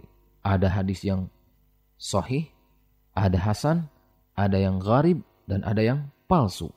Nah dari empat kategori ini maka manusia ini berselisih pendapat tentang siapa Imam Mahdi yang dimaksud oleh Rasulullah Wasallam yang akan keluar di akhir zaman. Maka pendapat yang pertama mengatakan bahwa Imam Mahdi itu adalah Isa, ya, yakni Isa Al-Masih. Itulah Imam Mahdi yang disebutkan oleh Rasul menurut pendapat yang pertama ini. Berdasarkan hadis riwayat Muhammad bin Khalid Al-Jundi yang disebutkan dalam kitab Mustadrak Al-Hakim bahwasannya tidak ada Imam Mahdi kecuali Isa ibnu Maryam. Akan tetapi para ulama hadis mengatakan hadis tersebut dhaif karena para ulama mengatakan di sana terdapat Muhammad bin Khalid al-Jundi ya sang perawi hadis itu bahwasanya dia didhaifkan oleh kebanyakan para ulama ahli hadis. Dan seandainya hadis tersebut sahih maka ini bukan menjadi satu-satunya dalil yang mengatakan bahwasanya Imam Mahdi adalah Isa alaihissalam.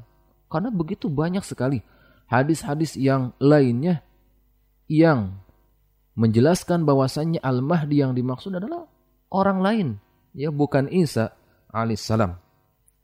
Memang Al-Mahdi kalau kita artikan tadi ya, orang yang mendapat petunjuk maka Isa alaihissalam ini lebih utama diberikan gelar Al-Mahdi. Akan tetapi Al-Mahdi yang dimaksud oleh Rasul adalah orang lain selain Isa alaihissalam. Pilihan Anda.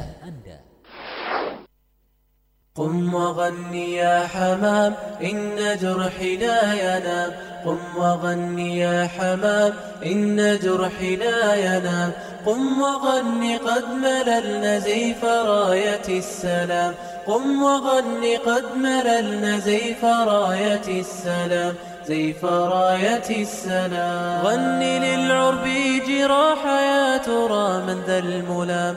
غزة الأبطال أمست تشتكي جور اللئام غني للعرب جراح يا ترى من ذا الملام.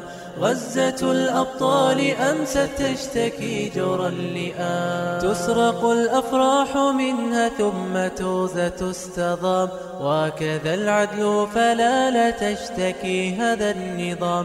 تسرق الأفراح منها ثم توزة تستضام. وكذا العدل فلا لا تشتكي هذا النظام Iya, itulah materi pilihan Anda berada di materi yang keempat dan kelima. Di materi yang keempat dengan tema siapakah Imam Mahdi dan di materi yang kelima dengan tema ciri aliran sesat. Kami ucapkan syukuran jazakumullah khairan kasihan kepada Anda yang telah ikut berpartisipasi memilih materi pilihan pada acara Pildas yang kali ini terkhusus di materi yang keempat dan kelima. Semoga bermanfaat dan juga menambah pahala. Amin. ما أجدنا في سواه آه هلمة الكرام يا لصمت الفعل فينا كم برزنا في الكلام ما أجدنا في سواه آه هلمة الكرام صمتكم يعرب خزي يسحق الشعب الهمام كم كمين بات يخشى نصر شعب بالحسام Baik, kita lanjut membacakan pesan-pesan yang sudah ikut bergabung pada acara Pildas yang kali ini. Kita mulai dari WhatsApp ada Gusri di Ciputat, Kota Tangerang Selatan katanya. Menyimak aja semua materi katanya. Dari Gusri di Putat Ciputat Tangerang. تنام في العظام كيف نسلو والمنايا مغرقات للأنام قم وغني Ya masih dari WhatsApp ada siapa ini? ada Bernard dari Bogor katanya ikut memilih semua materi dari 1 sampai 10 katanya. Ya masih dari WhatsApp setelah Bernard ada siapa lagi? Ada Bunda Haryati dari Bogor Selatan katanya ikut memilih materi nomor 3, 6, 7 dan 10 syukron kata Afwan.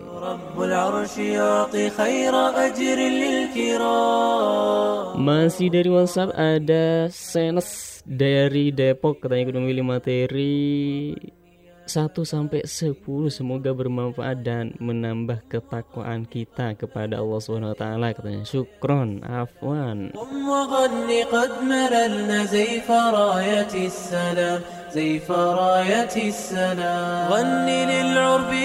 Iya masih dari WhatsApp ada Mama Ayi di Jati Padang Pasar Minggu. Ikut memilih materi nomor 1 2 3 4 5 6 7 8 9 10 sama aja. Semua materi karena penting karena hatur nuhun iya dari Mama Ayi di Jakarta Selatan.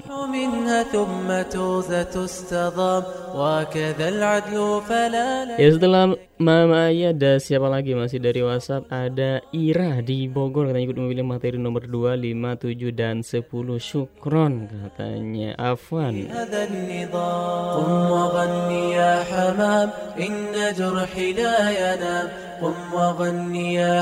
Ya masih dari WhatsApp ada hamba Allah tidak menyebutkan domisili. Ini ikut memilih materi nomor 2 3, 5, dan 6 Syukron kan ya. Afwan.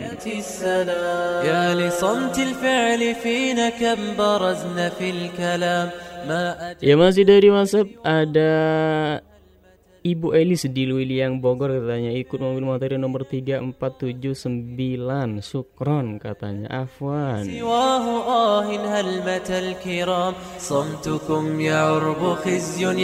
Masih dari WhatsApp setelah Ibu Elis ada hamba Allah di Pasir Jaya Jati Uwung Tanggerang kalau ikut memilih materi nomor 4 يسحق الشعب الهمام كم كمين بات يخشى نصر شعب Ya setelah hamba Allah ada masih dari WhatsApp ada Bu Io di Cibinong ikut memilih materi nomor 4, 7 dan 9.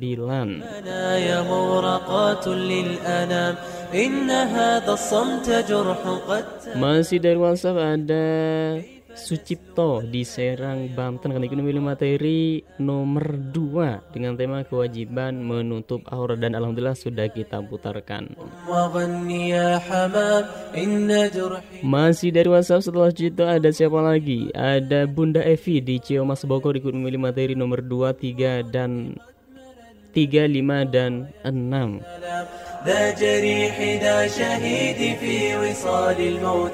Ya masih dari WhatsApp setelah Bunda Ivi ada siapa lagi? Ada Bapak Endang di Endang Mukmin di Sawangan Depok karena ikut memilih materi semuanya karena semuanya bagus katanya. Syukron jazakumullah khairan kasiron katanya. Ya Afan. Ya, masih dari WhatsApp setelah Bapak Andang ada siapa lagi? Ada Ibu Nurlillah di Condet Jaktim katanya. Pilih semua materi karena semua materi wajib diketahui katanya ترى من ذا الملام غزة الأبطال أمست تشتكي جورا. Masih dari WhatsApp ada Umi Tini di Pancoran Mas Kota Depok Katanya ikut memilih materi nomor 2, 5, dan 8 أمست تشتكي جورا اللئام. تسرق الأفراح منها ثم توزة تستضام. Baik kita cek kembali materi manakah yang paling banyak dipilih oleh Anda setelah materi-materi yang telah kami putarkan.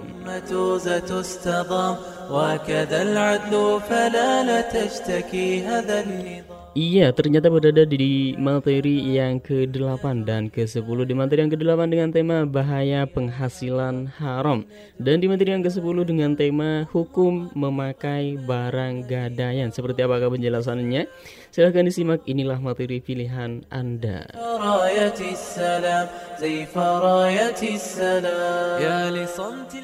Pilihan Anda Para pendengar yang budiman bahaya penghasilan yang haram. Jangan mengira bahwa orang yang mencari penghasilan haram seperti mencuri dan yang lainnya akan lolos dari siksaan Allah Subhanahu wa taala. Walaupun lolos dari hukuman di dunia, kelak dia akan menjumpai hukuman di akhirat. Karena semua kezaliman manusia itu akan dihisap, akan diperhitungkan di hadapan Allah Subhanahu wa taala. Hanya saja hukuman di akhirat kelak lebih pedih dibandingkan dengan hukuman di dunia. Hukuman di akhirat tidak bisa ditebus dengan harta dan anak, tetapi ditebus dengan amal solehnya jika dia punya jika tidak ada, maka akan tuangkan dosa orang yang zolimi kepada yang menzolimi. Nauzubillah. Kita lihat banyak sekali orang-orang yang korupsi. Orang korupsi bertriliunan. Korupsi triliunan atau miliaran di dunia dihukum cuma tiga bulan. Padahal merugikan negara. Ingat ketika di akhirat maka dia tidak akan lolos dari sisa Allah Subhanahu wa taala ia tidak Allah dari azab Allah Subhanahu wa taala. Nanti kebaikan-kebaikan ia amal-amal solehnya diberikan kepada orang-orang yang terdolim. Kalau dia korupsi dari uang rakyat, maka amal-amal solehnya itu dibagikan kepada rakyat.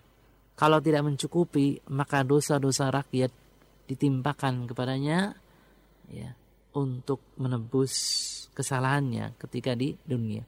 Rasul bersabda di hadapan para sahabat, tahukah kalian yang dimaksud dengan muhlis, orang yang bangkrut?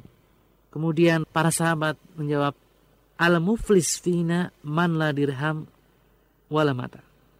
Wahai Rasul, sungguhnya orang yang bangkrut dari umatku adalah orang yang tidak memiliki dirham dan juga tidak memiliki harta benda. Kemudian Rasulullah SAW bersabda, Sungguhnya orang yang bangkrut dari umatku ialah orang yang datang pada hari kiamat dengan membawa amalan puasa, solat, dan zakat.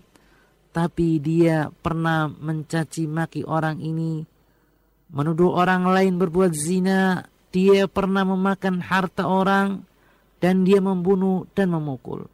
Maka pahalanya diberikan kepada orang yang dia zolimi bila pahalanya pahalanya habis sebelum selesai tuntutan dan ganti tebusan atas dosa-dosanya maka dosa orang-orang yang menuntut itu diletakkan di atas bahunya lalu dia dihempaskan ke dalam api neraka. Hadis riwayat muslim. Kemudian bahaya penghasilan riba. Lembaga atau perorangan yang membungakan uang pada zaman sekarang banyak sekali. Rasa-rasanya tidak terbendung. Ya. Kalau mereka mengutangi 10 juta, harus dibayar dengan 12 juta. Dibayar dengan 11 juta. Ataupun lebih dari itu. Mereka kemas transaksi ini dengan beraneka macam bahasa yang tidak jelas. Ya.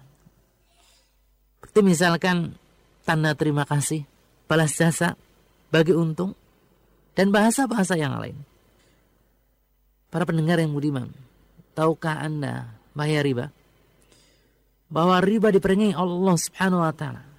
Allah Subhanahu wa taala berfirman, "Wahai orang-orang yang beriman, bertakwalah kepada Allah dan tinggalkan riba jika kamu orang-orang yang beriman." Maka jika kamu tidak segera meninggalkan sisa riba, maka ketahuilah bahwa Allah dan Rasulnya akan memerangimu.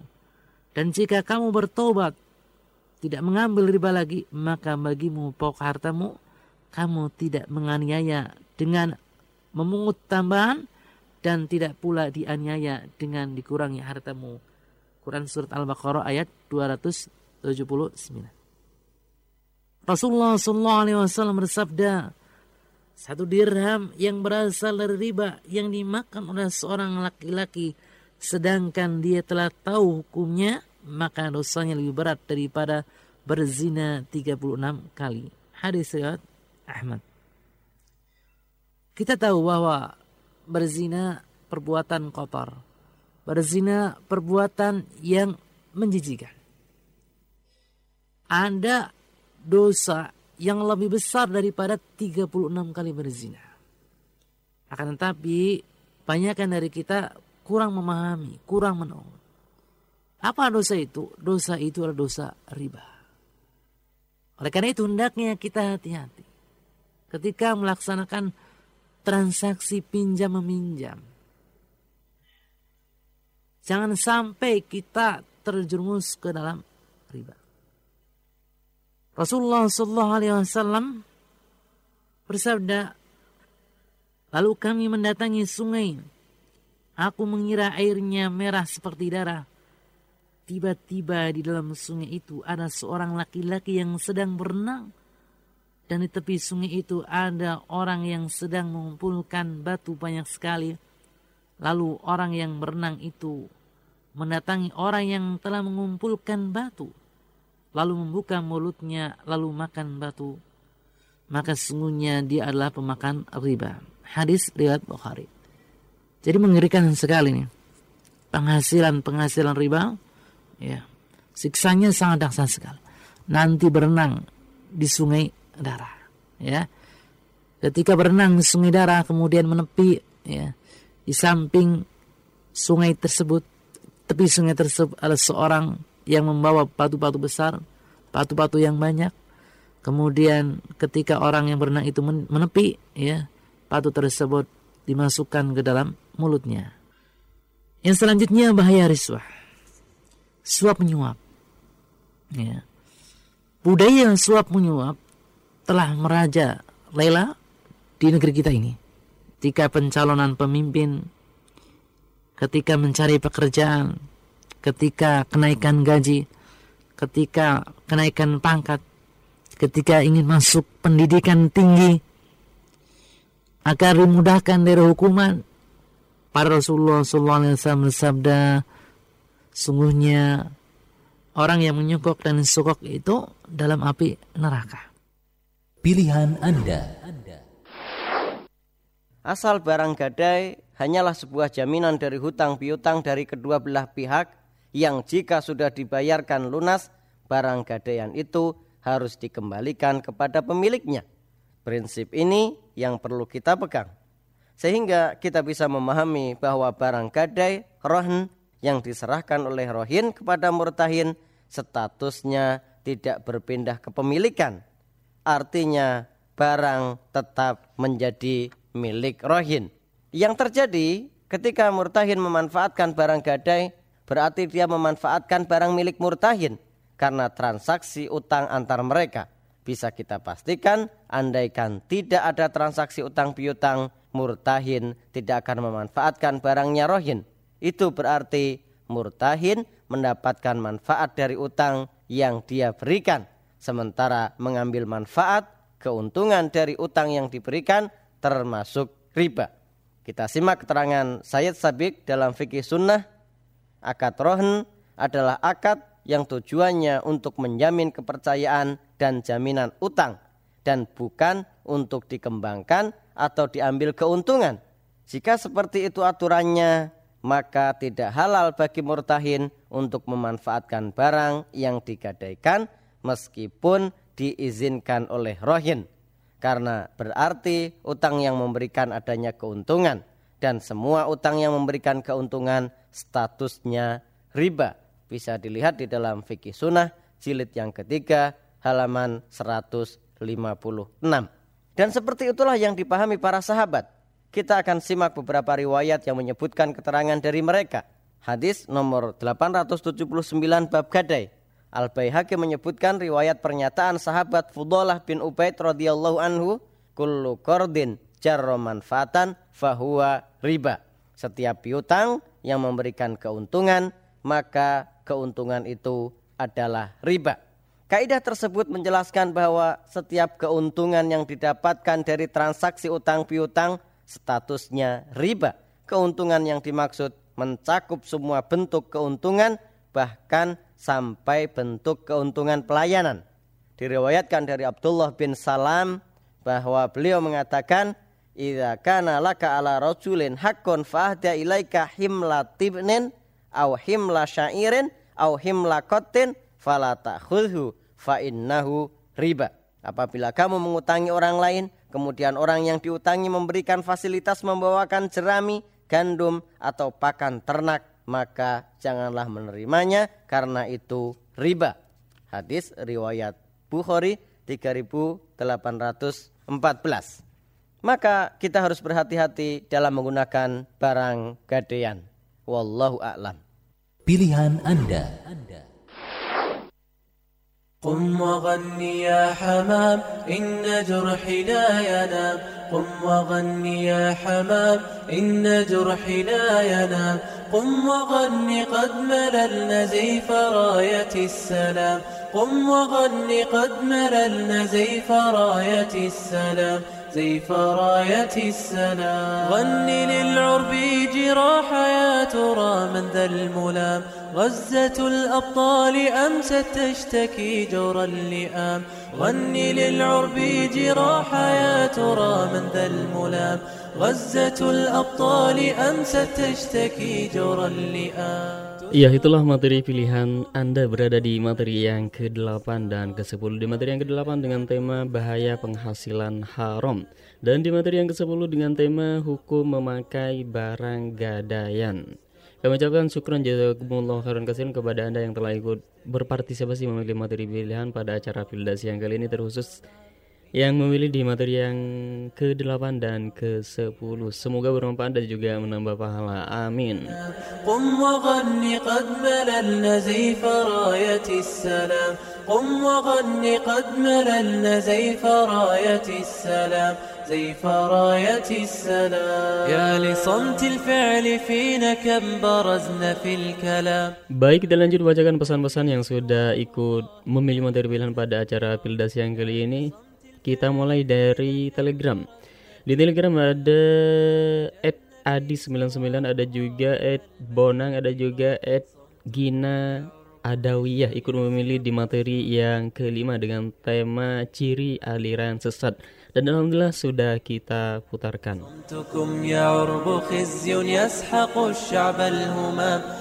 Ya masih dari Telegram ada nama akun Telegram Linda, ada juga Tri, ada juga Giri, ada juga Ed Riyadi, ada juga Ed Riyadi.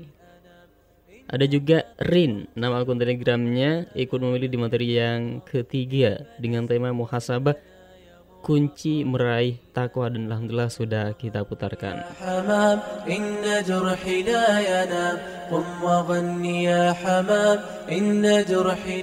Ya masih dari Telegram. Ada Bu Marni, ada juga L ikut memilih materi di materi yang pertama dengan tema Bolehkah minum sambil berdiri? Dalam telah sudah kita putarkan. Terus ada juga Marta Ada juga nama akun telegramnya Kang Ikut memilih di materi yang keempat dengan tema Siapakah Imam Mahdi? Dan juga ada Panin List ikut memilih di materi yang keenam dengan tema sebab untuk menjadi orang yang bersyukur dan alhamdulillah sudah kita putarkan. Ada juga nama akun Telegram Fahri Zamu ikut memilih di materi yang ke-8 dengan tema penghasilan haram dan alhamdulillah sudah kita putarkan. Ada juga siapa lagi masih dari Telegram ada juga Arif Firdaus ikut memilih di materi yang ke-9 dengan tema kapan terjadinya kiamat.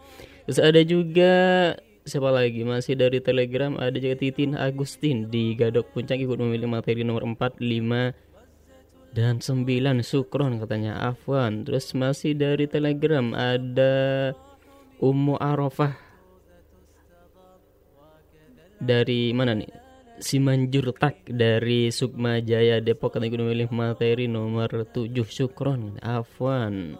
وكذا العدل فلا لا تشتكي هذا النظام قم وغني يا حمام Baik setelah dari Telegram kita beralih ke WhatsApp. Ada siapa di WhatsApp? Ada Pak Maswa di Kampung Kolonel Desa Rancakalapa, Panungan, Tanggerang katanya.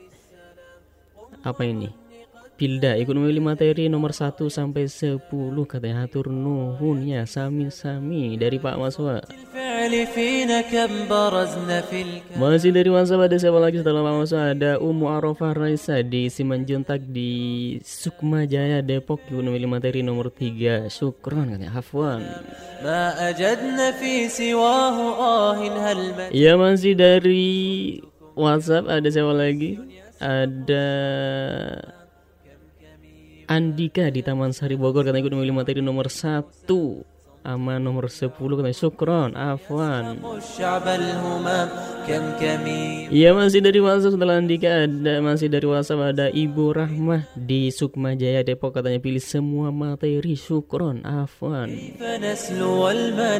Masih dari WhatsApp ada siapa lagi? Ada Panji Krisnaya di Pondok Kelapa Jakarta Timur di Gunung dipenuhi materi nomor 6. Masih dari WhatsApp setelah Panji ada Akhi Gandhi di PHR Bekasi Utara katanya dipenuhi materi nomor 79 Sukron. Masih dari WhatsApp ada Ning dari Serang Banten. Mau pilih materi semuanya kalian syukron afwan.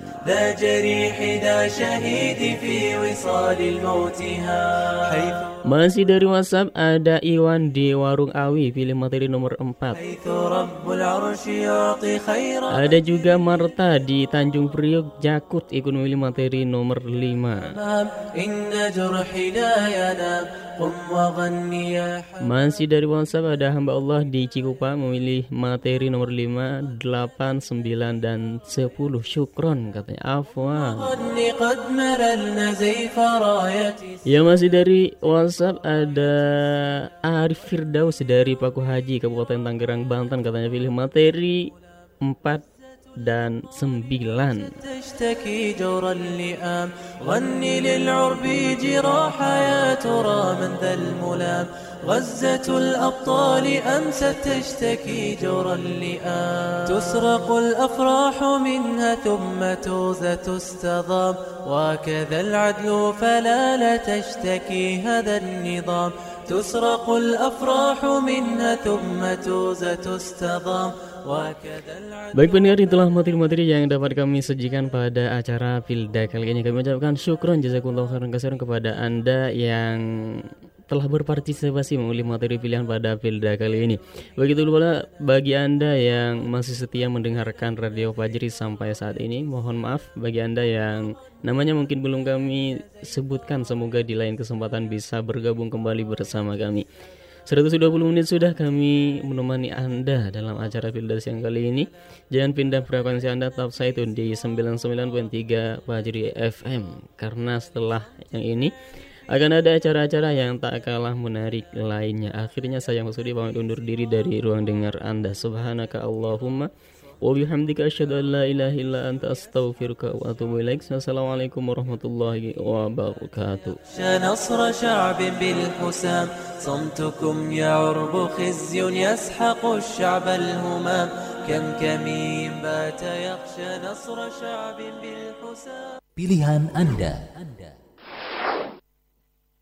Handphone semakin canggih untuk saat ini ya. Mengikuti perkembangan teknologi ya. Sudah banyak aplikasi yang sangat bermanfaat yang bisa diinstal ya di uh, HP atau Android tersebut ya. Di antaranya adalah Al-Qur'an ya. Mushaf Al-Qur'an dalam bentuk elektrik ya, elektronik ya. Mulai dari handphone yang sederhana sampai yang canggih pun tadi ya.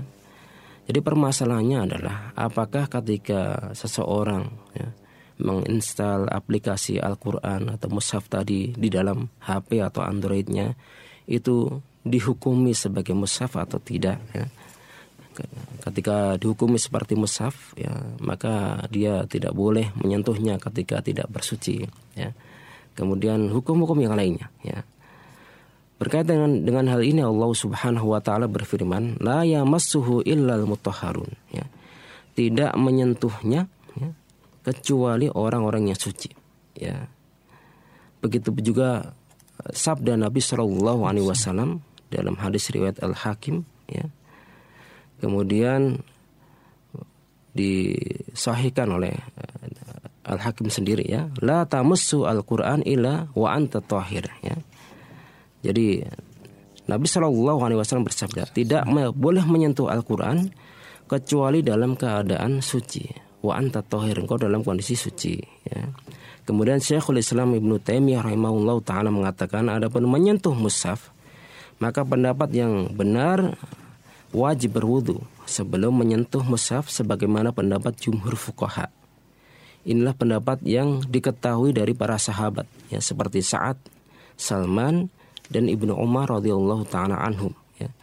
Kemudian para pendengar yang budiman dalam syarah Al-Umdah, Ibnu Taimiyah berkata, hal ini juga merupakan pendapat sejumlah tabi'in. Ya. Tanpa diketahui adanya perselisihan di antara para sahabat dan tabi'in. Ini menunjukkan bahwa pendapat inilah yang dikenal di antara mereka. Ya. Kemudian ulama kontemporer seperti Profesor Dr. Khalid Al-Musyaiki ya. Semoga Allah Subhanahu wa taala senantiasa menjaga beliau ya Beliau menjelaskan masalah ini. Ya. Handphone yang memiliki aplikasi Al-Quran atau berupa software tidak dihukumi sebagaimana atau seperti mushaf Al-Quran di mana harus dalam keadaan suci ketika ingin menyentuhnya. Ya. Handphone seperti ini boleh disentuh meskipun dalam keadaan tadi ya tanpa bersuci ya meskipun tidak dalam keadaan toharoh ya. Begitu pula HP ini bisa dibawa masuk ke dalam kamar mandi ya karena aplikasi Al-Qur'an di dalamnya tidak seperti mushaf tapi harus ditutup ya. Ketika kita hendak uh, masuk ke toilet atau WC dan semisalnya tempat-tempat seperti itu, maka harus ditutup ya meskipun apa? Uh, bukan dihukumi sebagai mushaf sebagai bentuk pemuliaan Al-Qur'an atau ayat-ayat Allah Subhanahu wa taala. Karena ia hanya berupa aplikasi yang ketika dibuka barulah nampak hurufnya ditambah dengan suara jika dimainkan ya di setel ya aplikasi Quran tersebut ya, akan tampak ya. namun jika beralih ke aplikasi lainnya maka akan tertutup ya. jadi para pendengar yang beriman yang dirahmati Allah Subhanahu wa taala eh, aplikasi tadi ya para ulama menjelaskan tidak dikumis sebagaimana mushaf ya meskipun seseorang boleh membacanya dengan tanpa toharoh ya. Boleh menyentuhnya. Akan tetapi yang lebih utama dan yang lebih mulia seseorang berusaha ketika membaca Al-Qur'an itu untuk bersuci.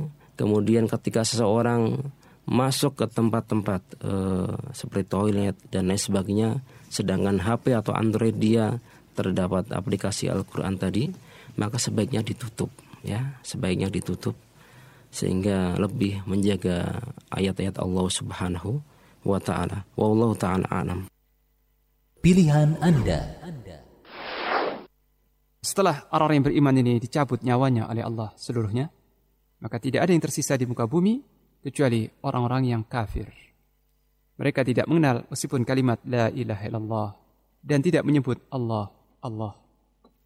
Dari Anas bin Malik radhiyallahu anhu bahwa Rasulullah sallallahu alaihi wasallam bersabda, "La taqumu as-sa'atu hatta la yuqala fil ard Allah Allah." Tidak akan tegak hari kiamat. Tidak akan terjadi hari kiamat sehingga tidak ada lagi di muka bumi seorang yang mengucapkan Allah Allah. Hadis riwayat Muslim dan hadis ini sahih. Ini ke ke kejadian dan keadaan manusia di akhir zaman. Tidak ada lagi yang mengenal Allah atau mengisahkannya. Kemudian juga dalam hadis yang lain diterangkan tentang bagaimana kondisi manusia ketika ditinggalkan oleh orang-orang yang beriman itu. Bagaimana kemanusiaan, ya, nasib kemanusiaan setelah agama Allah terangkat kembali. Setelah petunjuk Allah yang merupakan rahmat dan uh, petunjuk yang jelas bagi manusia itu diangkat kembali oleh Allah dan tidak ada manusia yang memegang petunjuk Allah Ta'ala, maka bagaimana kondisi manusia ketika itu? Diterangkan dalam sebuah hadis yang diriwayatkan oleh Imam Muslim dari An-Nawas bin Sam'an radhiyallahu anhu dia menyampaikan sebuah hadis yang didengarnya dari Rasulullah sallallahu alaihi wasallam.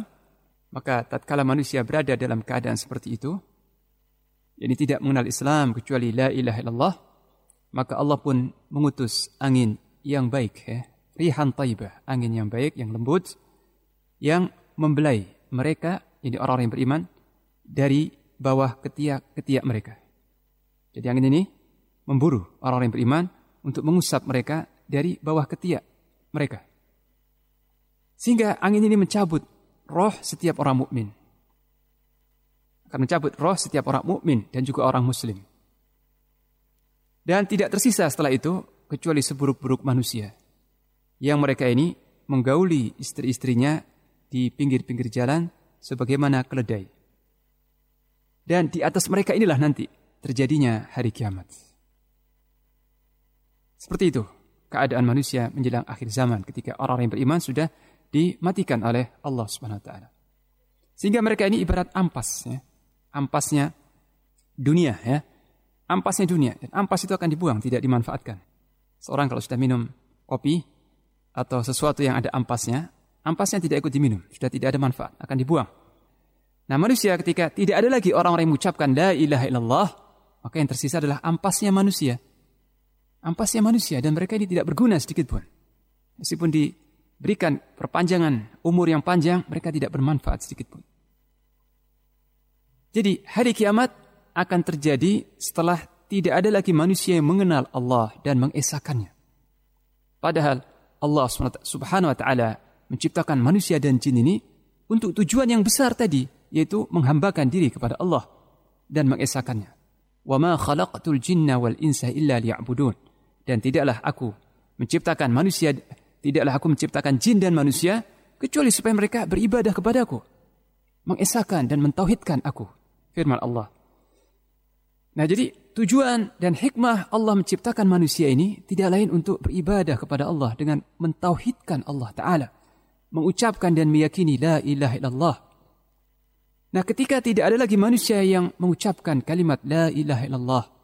Tidak ada manusia yang mentauhidkan Allah, mengisahkannya.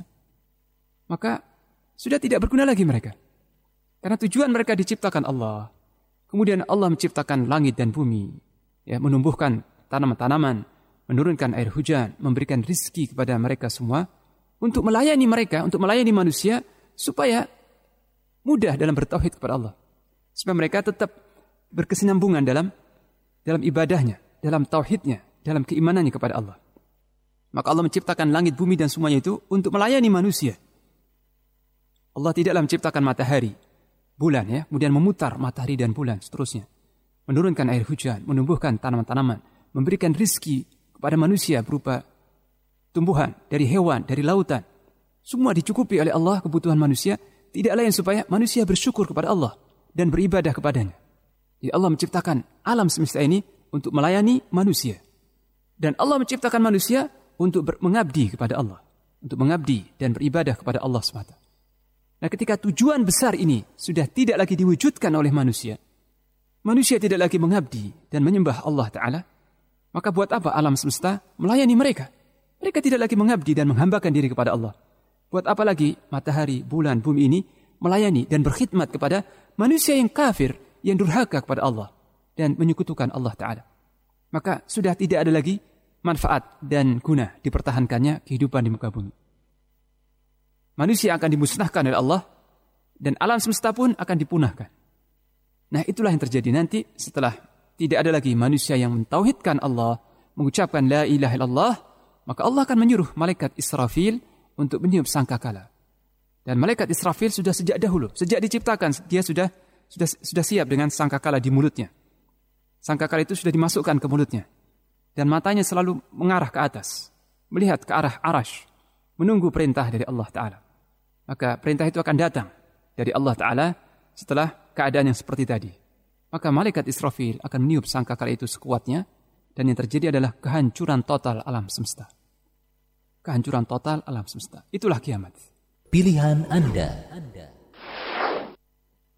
قم وغني يا حمام إن جرحي لا ينام قم وغني يا حمام إن جرحي لا ينام قم وغني قد مللنا زيف راية السلام.